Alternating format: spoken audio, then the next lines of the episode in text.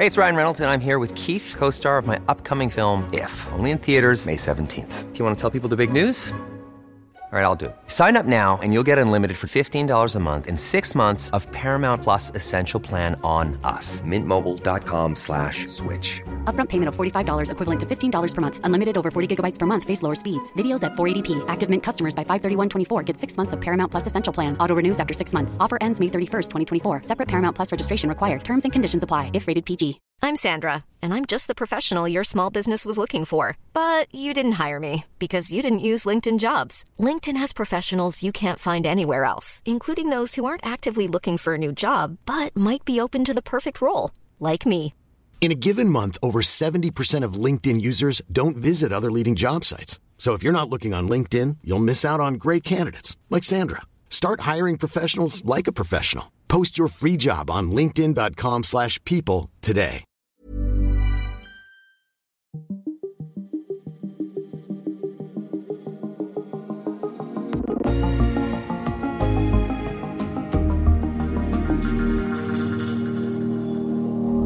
På årets første dag gik en af de mest ikoniske skikkelser i dansk kulturliv bort i en imponerende alder 105 år.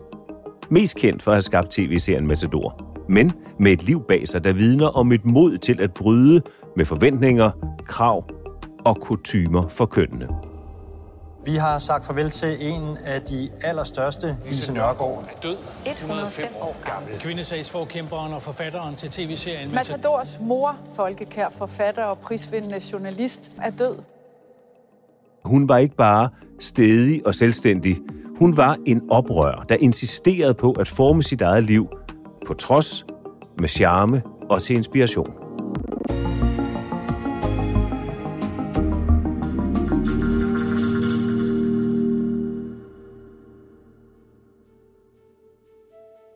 Er du en rebel? Nej. Det er jeg faktisk overhovedet ikke. Men du kender en rebel. Og når jeg spørger dig om det, så er det jo, fordi vi skal tale om en kvinde, der har været en rebel på alle mulige fronter øh, i livet. Ja. Igennem mange, mange årtier. Faktisk igennem mere end 100 år. Ja. Du havde en aftale med Lise Nørgaard i mandags. I skulle spise frokost. Ja, lige præcis. Hvis hun ikke havde været død, hvordan havde den aftale så udspillet sig? Jamen så, aftalen var, øh, jeg lavede den med hende i fredags, at øh, vi skulle have mødtes, eller jeg skulle være kommet op til hende kl. 12, og så skulle jeg have læst højt for hende af avisen. Fordi synet var jo virkelig skidt til sidst. Så, men lysten til at være en del af verden omkring sig, den havde hun jo til det sidste. TV2's Cecilie Frøkær lærte Lise Nørgaard at kende, da hun interviewede hende til bogen Fruen kommer i dag. Og det blev begyndelsen på et venskab mellem de to. Jeg har bare været så glad for at kende hende, faktisk. Hvad er det for et venskab, vi har haft?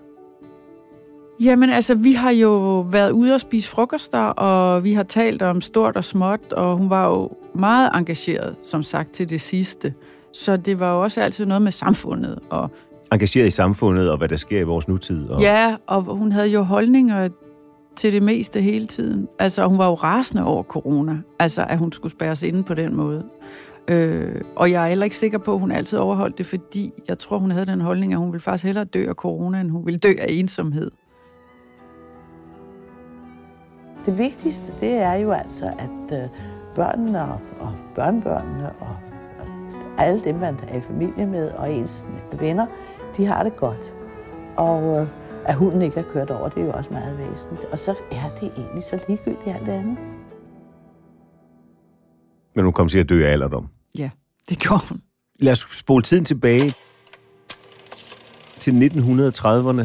Øh, Lise Nørgaard er omkring de 18, eller øh, sent i sin teenageår, og øh, går som ung på husholdningsskole, så får hun en læreplads i sin fars grossistvirksomhed, Mm. men, men det er ikke nok for hende. Hvad er det, der sker der?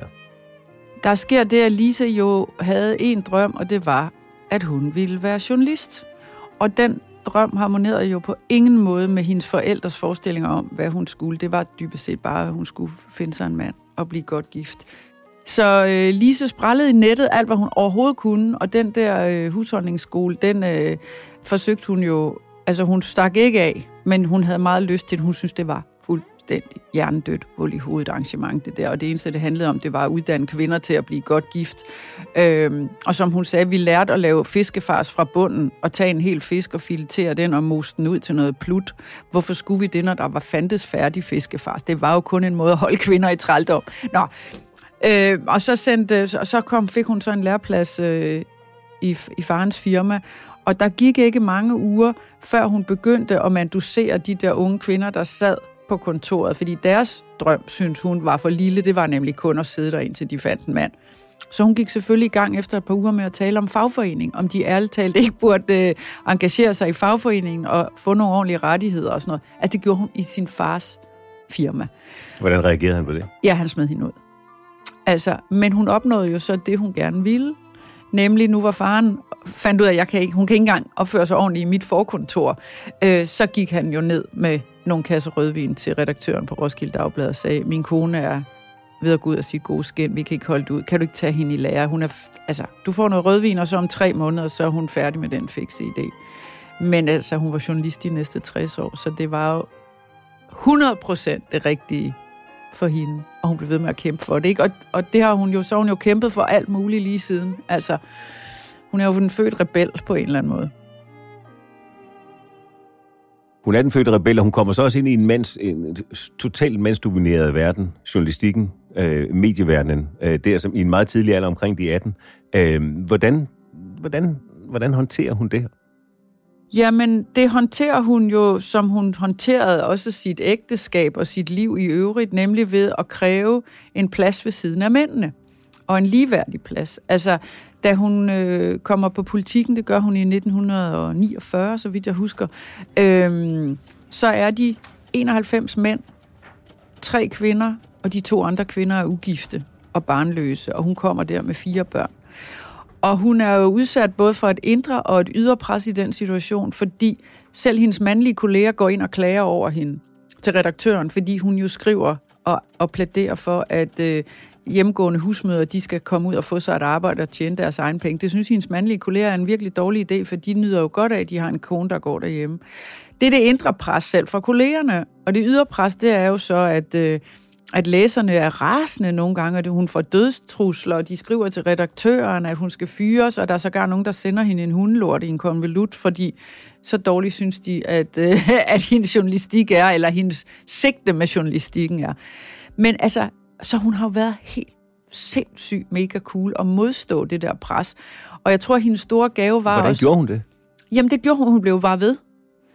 Øh, Men det er jo nemt at sige, for det kræver jo en eller anden, et eller andet drive, en eller anden energi. Ja, og, og jeg tror, at, at hun har været simpelthen født med en særlig ingrediens i blodet, nemlig at hun har været frygtløs. Så hun har været og været overbevist om, at hun havde ret. At det klarsyn, hun havde, det var sandheden, hun så, og at hun havde ret til at ville gøre noget ved det. Altså, hun har været ekstremt svær at kyse. Hvad, har hun fortalt dig om, hvor, hvad hun tænker om, hvor det klarsyn kom fra? Altså, hvor kom hendes gnist til det, til den, til det oprør fra? Det kom simpelthen fra, at hun fik en lillebror. At faren ville have en søn. Og at det var en skuffelse, at hun var en pige. Og at hendes lillesøster, der så kom, også var en skuffelse, og så endelig tredje gang var lykkens gang for faren, ikke? Og han havde jo simpelthen også besvangret sin kone, altså i rekordfart, indtil der endelig dukkede det rigtige køn op. Og, og, og hun sagde faktisk også, at, for jeg sagde til hende, jamen hvis nu, at øh, Kai, din lillebror, øh, også havde været en pige, så I havde været tre piger, du ikke havde oplevet den der kæmpe forskel på kønnene, ville du så have ment så meget resten af dit liv og været sådan en rebel og været så debatterende? Og så sagde hun, nej, det tror jeg faktisk ikke. Så hun så, er på en eller anden måde født ind i en kønskamp? Ja, det er hun simpelthen, fordi at øh, hun er jo ikke øh, altså meget mere end, hvad er hun, to et halvt eller sådan noget, tre, da, da lillebroren kom, og hun kan se alt det postyr, det skaber øh, af lykke fordi det er det rigtige køn. Og det, allerede der... Og hun skal det, kæmpe for sin plads som pige, kvinde. Ja, lige præcis. Og hun får øje på, det er jo en meget helt sindssygt tidlig alder at få øje på uretfærdighed. Øh, og den er hun jo så gået med, fordi hun har haft det der ekstremt skarpe blik for uretfærdighed lige siden. Ikke? Og hun var, sig selv, hun var selv bevidst om, at det var det, der var ja. kimen til hendes, ja. til hendes kønskamp og ja. til hendes rebelskhed. Ja, det var hun helt klar over. Øh, og, og derfor har hun jo hele tiden haft, hele vejen igennem, haft det der blik på kvinderne og deres øh, manglende ligestilling, men jo også alle, der var svage i samfundet.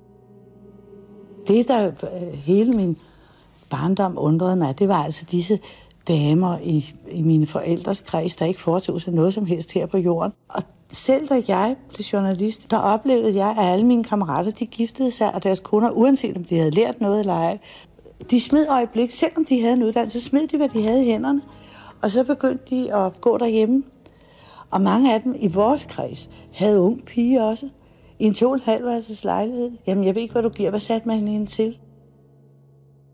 Men i gamle dage, øh, der midt i, i sidste århundrede, der var det stadigvæk sådan, at man skulle finde en mand, hvis man ville have børn. Hun bliver gift. Ja, hun, øh, hun får, får fire mand. børn. Yes, og det får hun lynhurtigt. Og et ægteskab. Ja. I, på en helt traditionel façon. Men som så afsluttes på en utraditionel façon. Præcis. I hvert fald for Fordi den tid. hun øh, ville arbejde. Og, øh, og som hun selv sagde, hun startede med at gå derhjemme og passe alle de der børn, men jeg blev bitter, sagde hun. Jeg blev sur, og jeg begyndte at kæderyge af kedsomhed. øh, Hun så, passede børnene samtidig med, at hun var journalist. ja, og så gik hun hjemme også øh, og barslede med dem, eller hvad det hedder, og var på barsel, og det gik slet ikke. Altså, og, øh, og det var jo også grunden til, sådan tror jeg, den korte version af, hvorfor hun blev skilt fra sin første mand, det var, at han kunne simpelthen ikke forstå, at hun ville arbejde, og han tog ikke nok del i, i børnepasningen og det huslige. Var det hende, der valgte at blive skilt? Ja, det tror jeg. Hun var meget lojal egentlig over for sin første mand, som jeg også tror, hun egentlig synes, hun måske i sådan set i bagspejlet havde måske været lidt øh, hård overfor, men, øh, men at hun, altså hun plæderede jo for, og der i lå jo også grunden til hendes egne valg, tænker jeg, hvor vigtigt det var, at kvinder skulle finde sig en god mand. Og en god mand var for hende en, der ville give kvinderne plads og ville tage del i det huslige slæb også. Og det var ikke det, der skete i hendes første ægteskab. Og det skal man jo også lige huske, hvor vildt det er, at det er i at det 49, hun blev skilt. Der var ingen kvinder, der blev skilt på det tidspunkt. Det var deklasserende, og det var marginaliserende, og øh, på alle måder noget, man risikerede sit gode navn og rygte på. ikke? Øh, og det gjorde hun alligevel. Men hun havde jo friheden, fordi hun tjente sine egne penge, og hun var blevet tilbudt et job på politikken, og det ville hun bare gerne have. Så hun gik fra en mand, selvom hun havde fire børn sammen med ham, fordi hun ville arbejde. Der var ikke meget forståelse på det tidspunkt der. Hva- Hvad er det for et liv, hun kommer til at leve efter skilsmissen? Det er jo et liv, hvor hun skal have den der skilsmisse til at falde på plads. Der er nogle børn, der bliver delt i første omgang, og hun får to af dem, og eksmanden får nogle af dem. Og så, øhm, og så skal hun jo arbejde samtidig med. Så hun har jo haft brug for helt ekstremt stor båndbredde. Øhm, og jeg tror, at det var der, hun måske også grundlagde det gode motto. Det koster penge at tjene penge. Og det betyder, at alt, hvad der ligesom er dødssygt arbejde, og som forhindrer dig i at lave det rigtige arbejde, altså husarbejde, køb dig fra det, udlicitere det. Sørg for at få nogen til at gøre rent og puste dine vinduer og købe ind og alt det der, fordi så har du ligesom fri bane til at koncentrere dig om det, det handler om. Og det er jo et privilegie, som mænd historisk set har haft, nemlig at kunne fokusere på deres kunst eller deres arbejde, mens kvinder jo har arbejdet som sindssyge, men den slags arbejde, der ikke blev lagt mærke til, og der ikke blev sat ordentlig pris på, nemlig at sørge for, at der var mad på bordet, at der var rent tøj til alle, og at nogen havde taget sig af børnene. Men er Lise Nørgaards liv også historien om, at man skal være rap i replikken for at kunne begå sig som kvinde i en mandsdomineret verden? Det tænker jeg, da hun har følt, og, og jeg, men hun havde heller ikke svært ved det. Altså, nu talte jeg med øh, Sonja Oppenhagen i går, som, øh, som har kendt Lise fra Sonja, var helt ung og var til nogle middage hjemme hos Helle Virkner. Og der sagde hun også, hun havde det der billede af Lise, der sidder blandt mændene. Der var alle mulige mænd til de der pinger og kulturpersonligheder med til de der middage der. Og der sidder Lise blandt dem med sin serut og diskuterer, og hun kunne ikke drømme om, som de andre kvinder i selskabet, at rejse sig op og tage en tallerken ud, eller tilbyde sin huslige hjælp. På ingen måde. Lise var gæst på lige fod med mændene. De snakkede, så måtte nogle andre tage sig af husarbejdet.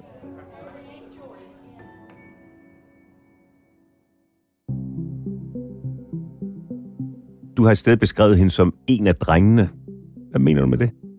Jamen, at hun sad med sine serutter, og hun elskede at diskutere med dem, og hun skrev, hvad der passede hende. Og det startede jo med, da hun kom til politikken, har hun fortalt mig en historie om, at det var tit sådan, at de kvinder, som fandt vej dertil, eller tit, det ved jeg ikke, nu skal jeg ikke sidde her og sige noget, men hun sagde, det forekom, at der var mandlige redaktører, andre, du ved, lidt højere op i systemet, som skaffede kvinder ind hvis de ligesom havde haft noget sex med dem. Og hvilke poster man kom ind i huset på, det skal jeg ikke kunne sige. Men i hvert fald, da hun starter på politikken, kommer hun gående op ad trappen og møder en mandlig redaktør, som helt altså, overrasket siger, hvem har du ligget med? Siden du er her. Siden du er her. Mm. Og hvor hun så kiggede på ham og sagde, hvis du er utilfreds med, at jeg er her, så kan du klage til medarbejderforeningen. Og hvor hun sagde, at det, det handlede om, det var, at han havde en eller anden, han havde ligget med, som han havde regnet med at kunne få placeret i huset. Så derfor var han bare godt gammeldags sur over, at hans plan var blevet forpurret af. Her kom faktisk en anden, der synes han havde taget den plads, han skulle have haft til en af sine kvindelige bekendtskaber. Selvom hun var en af drengene, som du kalder det, var hun jo også aktiv i Dansk Kvindesamfund, i Kvinderådet.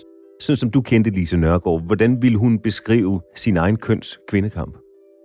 Altså, hun har jo altid sagt, at hun havde stor veneration for rødstrømperne, og hun satte ubetinget pris på dem, fordi endelig synes hun, der skete noget, og en masse lovgivning, som hun havde kæmpet for i overvis, blev pludselig vedtaget der med rødstrømbevægelsen i slutningen af 60'erne og starten af 70'erne. Fordi som hun sagde, altså hun kæmpede jo for lukkeloven, at der skulle være øh, mange flere timer åben, så kvinderne ikke skulle handle ind i frokostpausen og sidde med poserne på knæene hjem i sporvognene og sådan noget. Ikke? Altså hun kæmpede for skattelovgivning, der favoriserede mænd, der havde hjemgående kvinder og brandbeskattede enlige kvinder og sådan noget.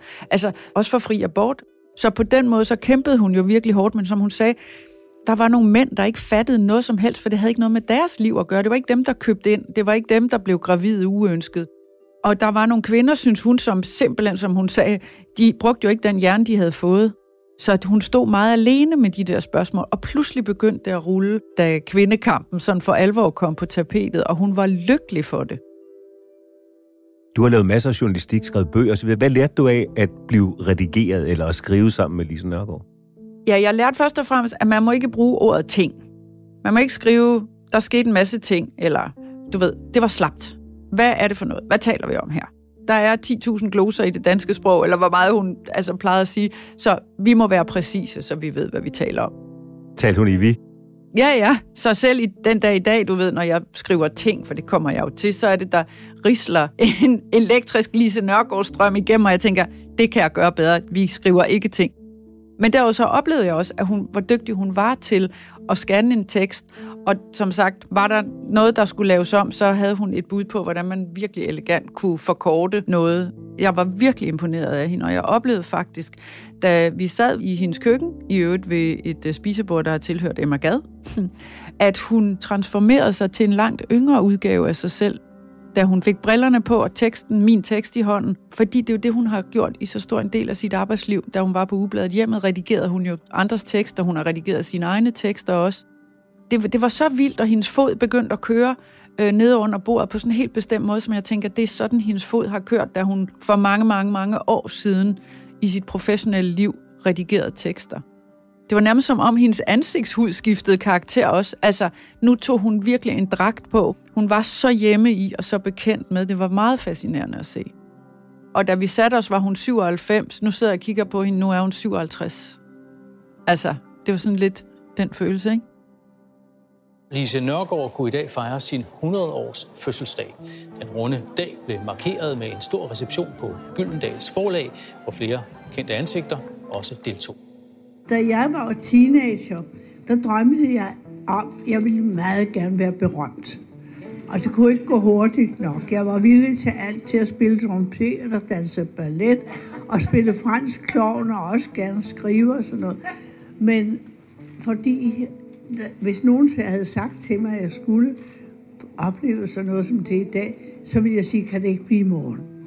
Fordi der, der drømmer man jo altså om, at det hele kommer til en. Når man så bliver ældre, så finder man ud af, at der er andre ting, der er mere værd. Så hun har været oprørsk, rebelsk i forhold til familiens, særligt hendes fars øh, forventninger, men i hvert fald familiens forventninger, over for det mandsdominerede samfunds forventninger til, hvad for en rolle hun skulle have i arbejdslivet. Men hun var også oprørsk og rebelsk i forhold til aldring, til alderdom. Det ved jeg, du oplevede på tæt hold hendes modstand mod at blive gammel. Hvordan oplevede du det? Jamen, hun omfavnede egentlig sin alder, forstået på den måde, at hun var helt med på, hvor gammel hun var. Men hun var en usædvanlig ældre dame, fordi hun havde en ild, der brændte stadigvæk. Altså, der er jo, hvor mange på omkring 100 har lyst til at tage ud i verden og blive ved med at spise frokoster og møde mennesker. Og, altså, hende og jeg var ude og optræde sammen, både da hun var altså, 99 og 100. Og hun kunne holde til det mest usandsynlige, og hun blev ved med at ville. Så sent som den 22. altså den uge, hvor hun døde, der var hun øh, til frisør og havde både en frokostaftale og en middagsaftale på samme dag. Det er rimelig godt gået. Sidste år, da Lise hun var 104, der havde jeg besøgt hende på plejehjemmet, og vi havde været ude at spise frokost, og vi kom tilbage og sad lidt og snakkede, og så, da jeg skulle gå, så, så var der sådan en stor fold i hendes gulvtæppe. Og hun stod med sin rollator midt på gulvet, og vi havde sagt farvel, og så sagde jeg, hov Lise, dit gulvtæppe folder, skal jeg ikke lige? Og gik hen imod det. Og så sagde hun, nej, nej, nej, det klarer jeg selv. Hvorefter hun virkelig yndefuldt med den ene hånd på rollatoren, bukkede sig ned, foldede tæppet ud og rejste sig igen, hvor jeg tænkte, det der, det er simpelthen det udtrykte billede på, hvorfor Lise er blevet så gammel, som hun er, og hvorfor hun har sat så stort et aftryk. Fordi hun, det havde været meget nemmere for hende bare at sige, jo tak, du må gerne lige. Men hun ville selv. Og det var det, der holdt hende i gang. Altså, og den værdighed, som hun jo også havde helt til det sidste. Der var ingen, der skulle tale til hende, som om hun var gammel og åndssvag, hvilket hun var pisse sur over, fordi hun syntes, folk i højere og højere grad gjorde. Altså hun blev mødt af en omverden som, når lille de. Og det havde hun. Og når man spurgte, skal du have en arm eller en hånd, når vi gik? Nej, det skulle hun ikke. Man kan jo nogle gange opleve med mennesker, som gerne vil selv, at de også kommer til at skubbe omverdenen væk, og mennesker omkring sig væk, fordi de har behov for at skabe plads til at kunne selv og ville selv. Hvordan oplevede du, Lise Nørgaard, på den façon? Altså var hun til at komme tæt på, samtidig med, at hun ville selv? Ja, det synes jeg bestemt, fordi hun jo også med egentlig sådan øh, stor humor og øh, indsigt ligesom indså også, at hun selvfølgelig blev svagere. Så hun gjorde alt, hvad hun kunne for at kunne selv. Og så nogle gange, så sagde hun, ja, nu går det ikke så godt med benene mere, så nu vil jeg gerne lige have en hånd. Eller... Og sidste gang, jeg så hende, der var hun øh, i kørestol. Så på den måde, og, men der var en, der hvilede en værdighed over hende hele vejen igennem. Og den gjorde hun også meget for at bevare, selvfølgelig, fordi det var sådan et menneske, hun var. Men altså, hvad, hvad driver dig? Hvad der driver mig er nysgerrighed. Ja. Altså, jeg synes, når jeg vågner om morgenen og står ud af sengen, så er jeg selvfølgelig meget glad for, at jeg stadig kan stå ud af sengen, og jeg stadig kan gå i bad, uden at jeg skal have assistance fra det offentlige, og jeg stadig kan lave min mad, og stadig kan gå ud og mor mig og sådan noget. Og så tænker jeg altså på, hvad en ny dag vil bringe. Jeg elsker nye dage. Jeg elsker morgenen, netop fordi, at der ligger så mange muligheder. Måske bliver det en meget kedelig dag, men altså alligevel, man har forventning. Du sagde, da vi startede med at snakke sammen, at, øh, at du ikke er en rebel. Hvad vagte Lise Nørgaard af oprørskhed og rebelskhed i dig? Ingenting. For jeg er ikke nogen rebel. Så jeg vil sige, hun har mere vagt en, en stor respekt for det, hun turde, og det, hun gjorde, og at jeg, det, jeg har taget med mig, er, at man skal huske, at folk har så mange følelser, og de farer op, og nogen løber med en folkestemning, eller nogen synes noget, eller nogen skriver en grim besked. Herregud, livet går videre, og det går op og ned i showbiz, og det går op og ned i livet. Og det synes jeg egentlig har været øh, en virkelig fin ting at få med fra hende blandt mange andre ting. Ja, blandt hvad for nogle andre ting? Åh, oh, gud, ja. Ja, blandt mange andre indtryk, hun har efterladt, og ja, ja, ja. Jamen, jeg synes, jeg vil jo gerne blive gammel, sådan som hun blev gammel. Jeg tænker, det vil de fleste i virkeligheden gerne. At være til frisør, altså en uge inden du dør, fordi du stadigvæk synes, det er relevant at få sat håret, og du tror, at der er en grund til, at, øh, at du skal være smart stadigvæk til, til jul og nytår. Ikke? Altså, det, øh, det tænker jeg er, så har man levet livet til sin fulde, og hun havde en nysgerrighed, som jeg vil håbe, øh, jeg kan bevare også. Hun gad virkelig godt. Hun blev ved med at give at tale med andre mennesker, og lukke andre mennesker ind i sit liv, og det tænker jeg, de fleste på hendes alder, hvis man overhovedet bliver så gammel, simpelthen ikke orker, men det orkede hun.